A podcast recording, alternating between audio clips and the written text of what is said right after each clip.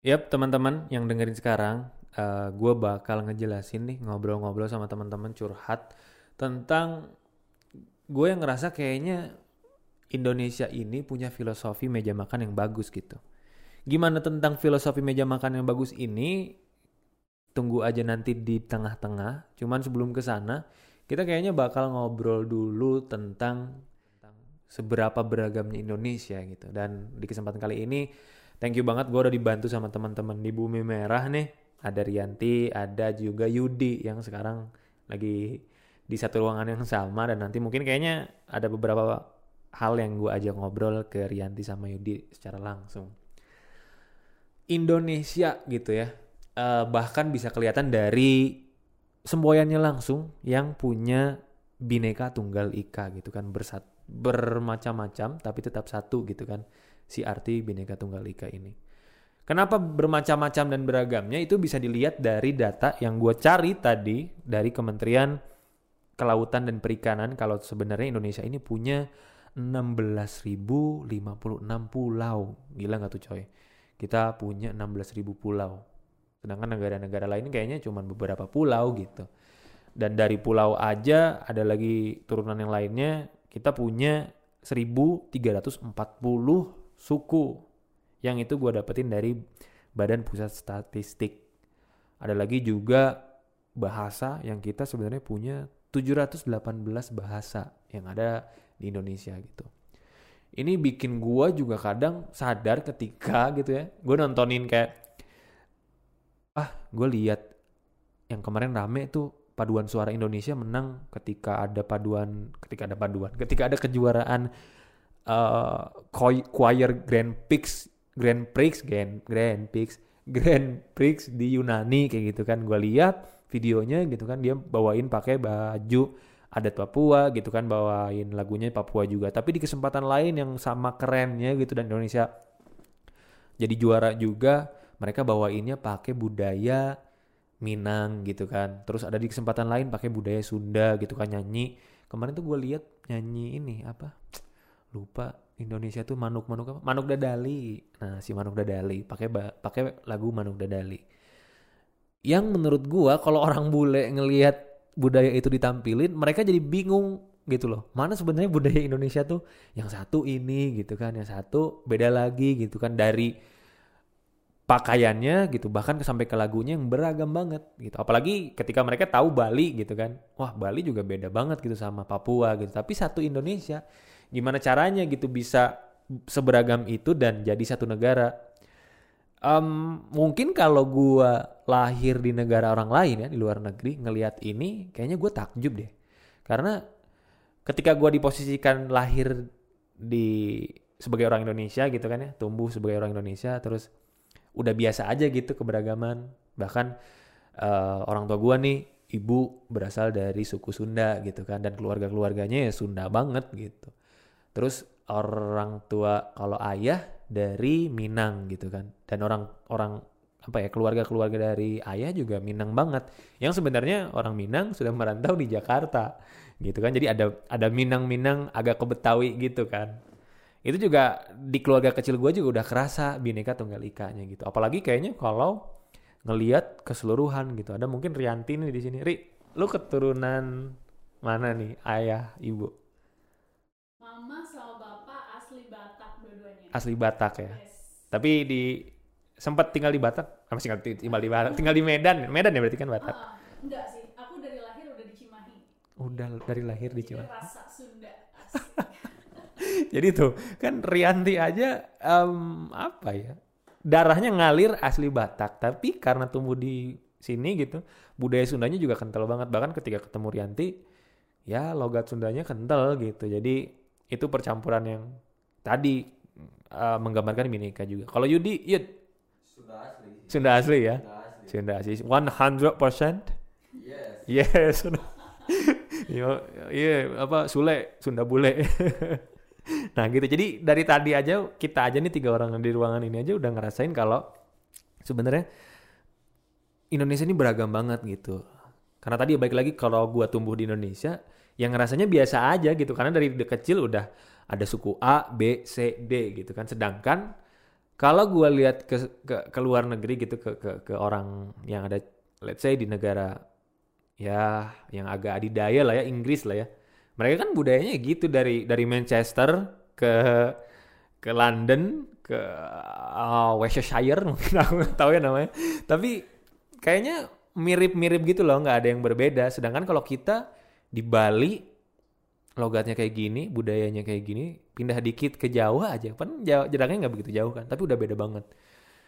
Itu yang bikin kayak mungkin dan gue juga sempat dengar beberapa orang luar yang ngerasa ini Indonesia tuh keren banget dari beragamnya tadi yang sebenarnya keberagaman tersebut kan punya karakternya masing-masing, punya apa ya sifat-sifat khususnya masing-masing gitu kan. Bahkan uh, apa ya mungkin tujuan-tujuan nilai-nilainya juga berbeda tapi kok bisa nyatu di Indonesia gitu.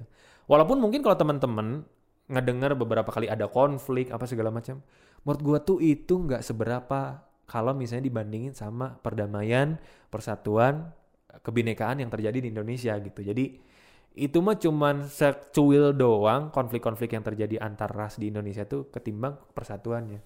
Bisa dilihat dari mana sih gitu kan gue pribadi sih ngelihat tadi selain dari keluarga gue pribadi keluarga kecil gue keluarga kecil gue sebenarnya orang keluarga kecil orang tua gue sih gue belum punya keluarga gitu kan.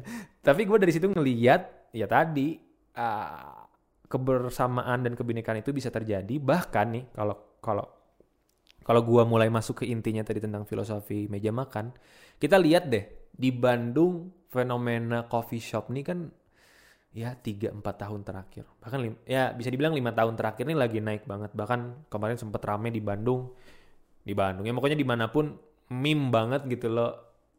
Bandung tuh bukan cuman lautan api tapi lautan coffee shop. Di mana-mana kopi di mana-mana kopi. Anak Bandung nongkrong. Ayo orang ngopi di dia ayo orang ngopi di itu gitu kan. Jadi uh, kayaknya ada tradisi baru orang Indonesia yang suka mungkin ya dulunya di, di ini kita bicara tentang Bandung dulu yang biasanya ngaliwet gitu kan. Ayo orang botram gitu kan. Orang-orang dulu tuh suka, kayaknya botram aku masih ingat waktu kecil tuh doyan banget botram sama tetangga-tetangga. Tapi mungkin sekarang beriris yang dari awalnya botram, tapi jadi ke ngopi gitu kan bareng nongkrong di tempat kopi. Entah pulang kerja atau pulang apa namanya kuliah, kayaknya aduh orang pengen ngopi eh gitu. Ayo orang nongkrong segala macam untuk melepas penat. Nah dari situ kadang juga timbul apa ya pertemanan-pertemanan baru silaturahmi gitu kan bahkan kayaknya urusan kerja sama perusahaan banyak nih mulai sekarang orang-orang perusahaan yang kalau mau ada kerjasama ditumpahin kerjasamanya gitu kan ngobrol sama pihak lainnya tuh bukan di tempat formal kayak meeting room apa segala macam bahkan di tempat ngopi gitu kan di tempat tempat makan. Yang tadi gue bilang mention di awal adalah meja makan gitu kan. Dan itu nggak terjadi sekarang doang gitu. Itu bahkan dari dulu uh, ketika banyaknya kerajaan-kerajaan gitu kan sultan-sultan raja-raja ini juga kalau ada kerjasama ngundang kedatangan dari raja lainnya ya dijamunya lah dengan dengan penjamuan meja makan gitu kan. Di situlah mereka ngobrolin kayak baginda. Klasik baginda. Jadi jadi inget tuh baginda baginda uh, perkenalkan eh perkenalkan. Perkenankan saya memperkenalkan putri saya yang tercantik untuk di dijodohkan dengan pangeran. Misalnya gitu kan untuk untuk uh, memperkuat dua kerajaan yang pengen diwariskan ke anak tadi si pangeran dan si putrinya gitu. Dari situ kan timbul dari meja makan juga. Bahkan sekarang-sekarang ya let's say presiden kita Bapak Jokowi kalau ada uh, delegasi dari negara lain atau presiden dari negara lain yang datang ya dijamu dengan meja makan gitu kan. Ada ada filosofi meja makan tersebut. Nah, dari mulai tadi kopi di coffee shop gitu kan ngopi di coffee shop terus sampai ke meja makan di istana negara atau bahkan ya di tiker angkringan gitu. Itu yang gue lihat sebagai filosofi meja makan adalah semua tuh campur aduk di situ untuk ngomongin hal-hal yang ya filosofi meja makan ini wujud dari bineka tunggal ika menurut gue gitu. Kayak gue nongkrong sama orang Batak gitu kan yang sebenarnya secara karakter kayaknya beda jauh gitu sama orang Bandung kan ya. Orang Batak kan kuat gitu ya. Maksudnya kuat tuh eh, intonasinya agak membentak gitu kan ya. Walaupun gue gue gue tahu membentaknya itu bukan bukan marah, tapi kadang gue ngelihat orang Batak ngebentak juga sa- karena rasa sayang gitu. Eh, kau ini gitu kan. Tapi itu tuh karena nyaah gitu kata orang Sunda sayang gitu kan pengen ngasih tahu tapi dengan cara yang kayak gitu dan beda sama orang Sunda yang lemas gitu kan yang santun. Santun maksudnya kayak mendayu-dayu ininya. Ih atuh ulah gitu. Ih cenah. Jadi agak berbeda sama orang Batak tapi bisa nyatu ketika dia nongkrong gitu kan di, entah di angkringan di coffee shop atau di istana negara tadi. Dan itu bikin gua ngerasa filosofi meja makan ini bukan sekedar makan bukan sekedar minum tapi ada percampuran eh, apa namanya ideologi gitu kan ngobrol dan saling tahu saling kenal sama budaya yang berbeda tadi Mungkin itu juga yang bikin Indonesia bisa bineka sampai sekarang gitu kan, bineka tunggal ika sampai sekarang. Ini terlihat juga dari zaman dulu gitu. Zaman penjajahan, sebelum zaman penjajahan datang tuh orang Indonesia emang doyan makan pakai tangan bahkan ya. Nah, kayaknya juga tradisi orang Indonesia makan pakai tangan ini bikin makin apet jadi kalau makan pakai tangan tuh orang orang Sunda ngaliwat bareng-bareng, tangannya nyatu bareng-bareng tuh di situ di satu makanan yang sama. Itu makin makin kental juga gitu. Makin kental dan makin erat gitu ketimbang kalau misalnya masing-masing megang piring, pakai sendok, pakai garpu gitu kan. Jadinya udah ada apa ya barrier, udah ada batasan yang bikin oh ya lu punya makanan sendiri, gue punya makanan sendiri. Ya udah, kadang jadinya juga fokus ke makanan sendiri. Beda kalau misalnya tadi tradisi orang-orang dulu kita yang biasa makan bareng-bareng di satu tempat. Kalau misalnya tadi ngeliwat disatuin gitu kan. Jadinya lebih nyatu gitu kan. Ya itu bikin makin apa ya menyatukan keberagaman tadi. Dan ada fakta unik ternyata ya. Kalau ada yang bertanya tentang apakah makan pakai tangan tuh bener nggak sih? Kalau bisa bi- itu kalau itu bisa bikin kita lebih sehat gitu. Ternyata ketika gua searching si tangan ini punya enzim RNase tulisannya RNASE yang bikin eh, aktivitas bakteri patogen dalam tubuh kita ini terhambat gitu katanya di di yang gue searching karena RNase ini dihasilkan oleh tiga jari tadi telunjuk, jari jempol sama jari tengah gitu. Dan beberapa penelitian juga menyebutkan kalau ini bisa mencegah diabetes tipe 2 dengan kita sering makan pakai tangan gitu. Dengan catatan teman-teman juga harus cuci tangan dulu sebelumnya gitu kan. Kalau habis dari luar ngapain-ngapain apalagi di pandemi kayak gini nggak cuci tangan ya bukannya sehat tapi malah datengin penyakit gitu. Di garis bawahin harus tetap cuci tangan. Bahkan nih tadi kita udah kopi gitu kan perjamuan para sultan terus orang-orang zaman dulu nenek moyang kita di Indonesia yang makan pakai tangan menyatukan banget gitu kan sekarang nih anak-anak kita anak-anak kita maksudnya anak-anak seumuran kita gitu kan ya umur-umur kita yang em, lagi asik bukan lagi asik lah ya lagi lagi waktunya mencari pasangan gitu kan. Nanti tuh ada waktunya teman-teman menghadap ke orang tua calon cia gitu kan untuk ngobrol gitu. Tante perkenalkan saya Amar. Eh, kemarin kenal sama anak tante yang sebenarnya ternyata memikat hati saya tante. Asik. Wur. kok jadi, kok jadi rame sendiri ya? Jadi menghayati sendiri. Kapan saatnya?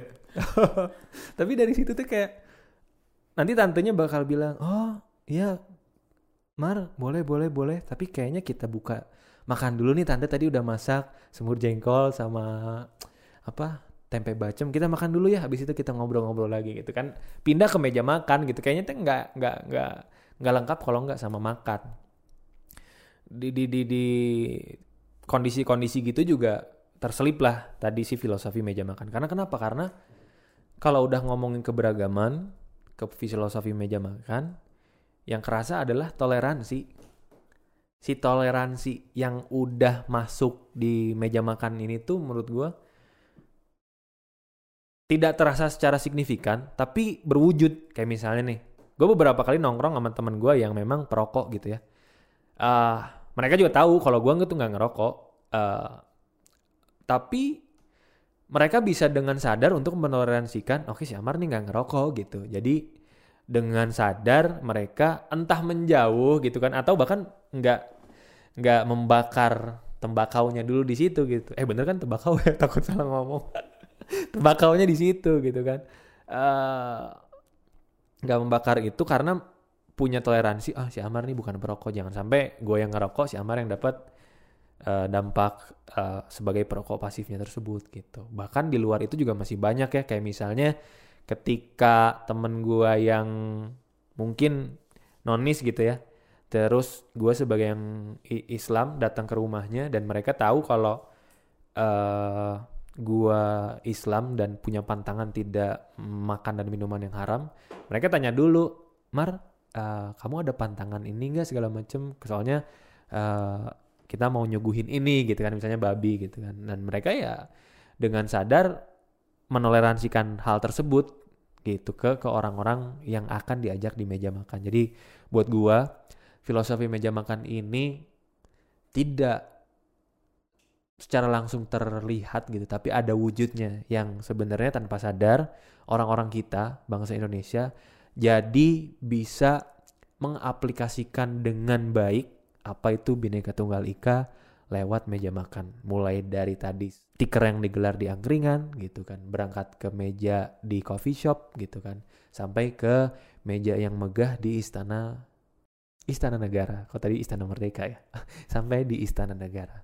Gitu aja paling dari gua untuk bahas tentang filosofi meja makan yang gua rasa punya filosofi yang keren tentang kebinekaan dan keberagaman. Thank you banget. Mm, thank you banget untuk teman-teman yang sudah mendengarkan dan eh, hal-hal tersebut ya jangan lupa kita bisa akrab dari eh, meja makan lewat meja makan dan gue harapin buat teman-teman yang lagi dengerin ini yang gue udah lama nggak ketemu ya sampai jumpa. Mungkin kita bertemu di kesempatan berjumpa di meja makan mengeluarkan filosofi meja makan tersebut karena gue juga udah kangen nih kayaknya karena pandemi ini udah lama gak ketemu sama beberapa teman-teman. Semoga kita bisa berjumpa dan sampai jumpa di podcast berikutnya yang ngobrolin tentang filosofi-filosofi lainnya mungkin terima kasih gue Amaro Juna pamit. Thank you bye